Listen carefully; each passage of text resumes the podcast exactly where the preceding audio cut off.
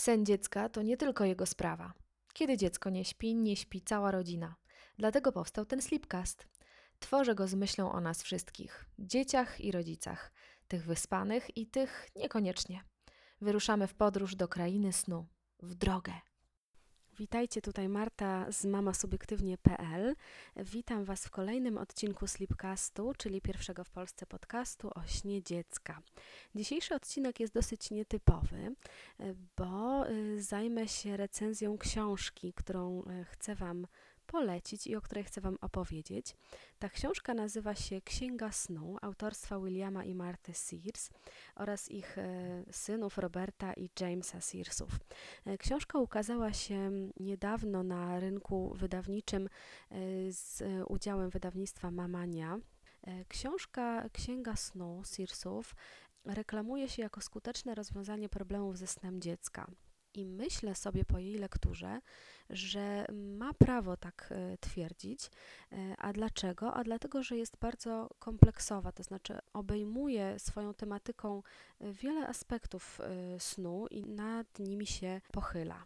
Księga snu wprowadza nas w tematykę rodzicielstwa bliskości, a zatem możemy się spodziewać tutaj tematów e, związanych ze wspólnym spaniem, z nocnym karmieniem piersią i generalnie z karmieniem piersią i z byciem blisko dziecka.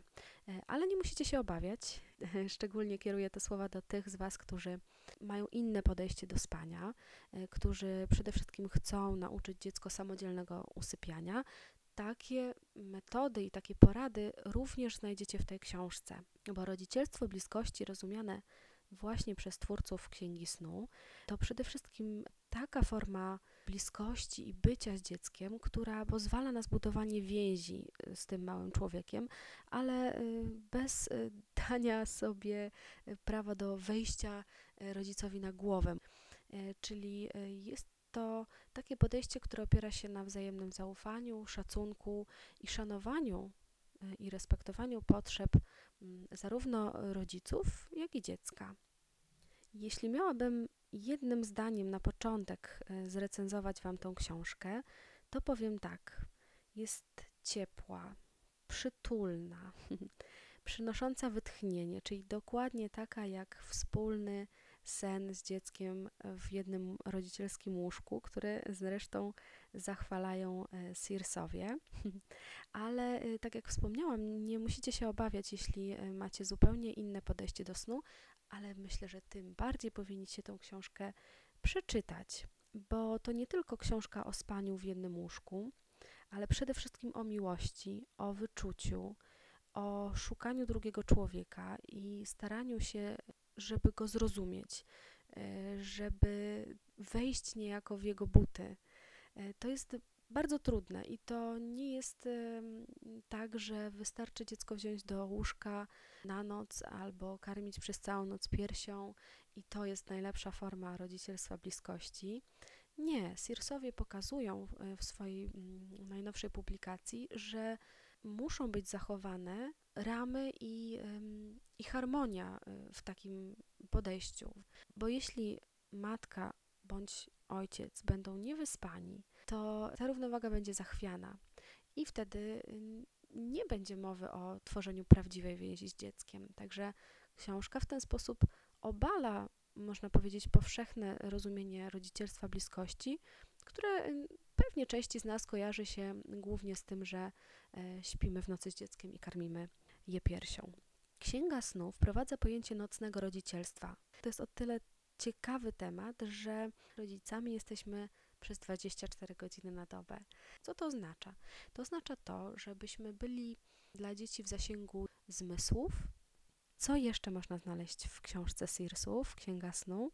Bardzo praktyczne porady odnoszące się do tematu zasypiania, czy do tematu karmienia piersią, do tematu również e, właśnie współspania ale to są też e, praktyczne porady dla ojców, co jest e, zupełną nowością w literaturze i muszę powiedzieć, że na początku miałam trochę mieszane uczucia odnośnie tego, że, że książka wydziela jakby część dla, dla ojców. Ojcowie, według mojej opinii, powinni być równie mocno zaangażowani jak matki e, w rodzicielstwo, a zatem po co wydzielać dla nich specjalny rozdział? Ale jednak faktycznie myślę, że panom przyda się takie kilka mądrych słów od y, doświadczonych lekarzy, po to, żeby trochę przypomnieć, że oni właśnie są równie odpowiedzialni za malucha i powinni wspierać y, swoje żony w trudnych chwilach, kiedy, kiedy to głównie one y, nie dosypiają.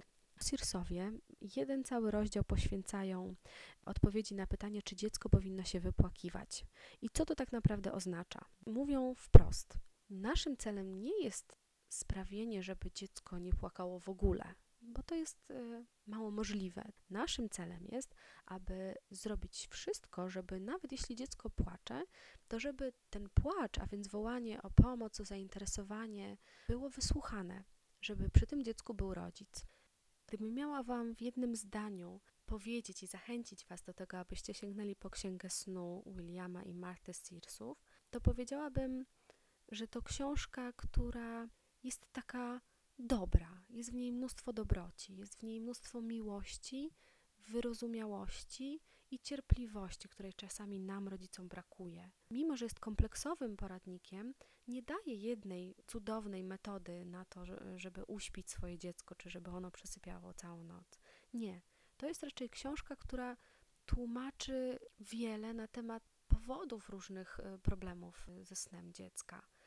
A myślę, że kluczem do skutecznego, mm, zdrowego snu dziecka jest przede wszystkim zrozumienie, co leży u podstaw problemów właśnie z tym snem. Także jeśli chcecie się dowiedzieć, dlaczego jest tak, jak jest i co jako rodzice możemy zrobić bez uszczerbku na zdrowiu i mm, fizycznym i psychicznym dziecka i swoim, to sięgnijcie koniecznie po Księgę Snu, bo to jest książka taka blisko nas, blisko rodziny, blisko dziecka i warto ją mieć na swojej półce. Na sam koniec, dla porównania, zobaczcie sobie książkę Tracy Hawk, Zaklinaczka dzieci, jak rozwiązywać problemy wychowawcze. Tracy Hawk również porusza temat snu w tej książce, natomiast Tracy ma zupełnie inne podejście. Tracy Hawk działa według planu. Proponuje harmonogramy, działanie według konkretnej metody, i w tym bardzo różni się od Searsów. Natomiast muszę Wam powiedzieć jedną ciekawą rzecz, myślę na koniec, że ja e, w swoim wychowaniu dwójki dzieci korzystam zarówno z porad Tracy Hawk, jak i Williama i Marty Searsów z Księgi Snu. I to jest o tyle ciekawe, że to są, tak jak wspomniałam, dwa zupełnie różne światy. Natomiast z każdego można wziąć dla siebie to, co nam właśnie odpowiada, co pasuje do naszej rodziny, do naszego konkretnego przypadku, do naszego konkretnego dziecka i danej sytuacji. I myślę, że to jest takie clue mądrego korzystania z, z książek tego typu poradnikowych. Po prostu czytajmy, analizujmy, bierzmy to, co nam odpowiada, co czujemy w duchu że jest y, dla nas dobre, że nam pasuje, że jest zgodne z naszym światopoglądem i bądźmy konsekwentni. Życzę Wam wielu przespanych nocy, e, mnóstwa miłości, ciepła i dobranoc.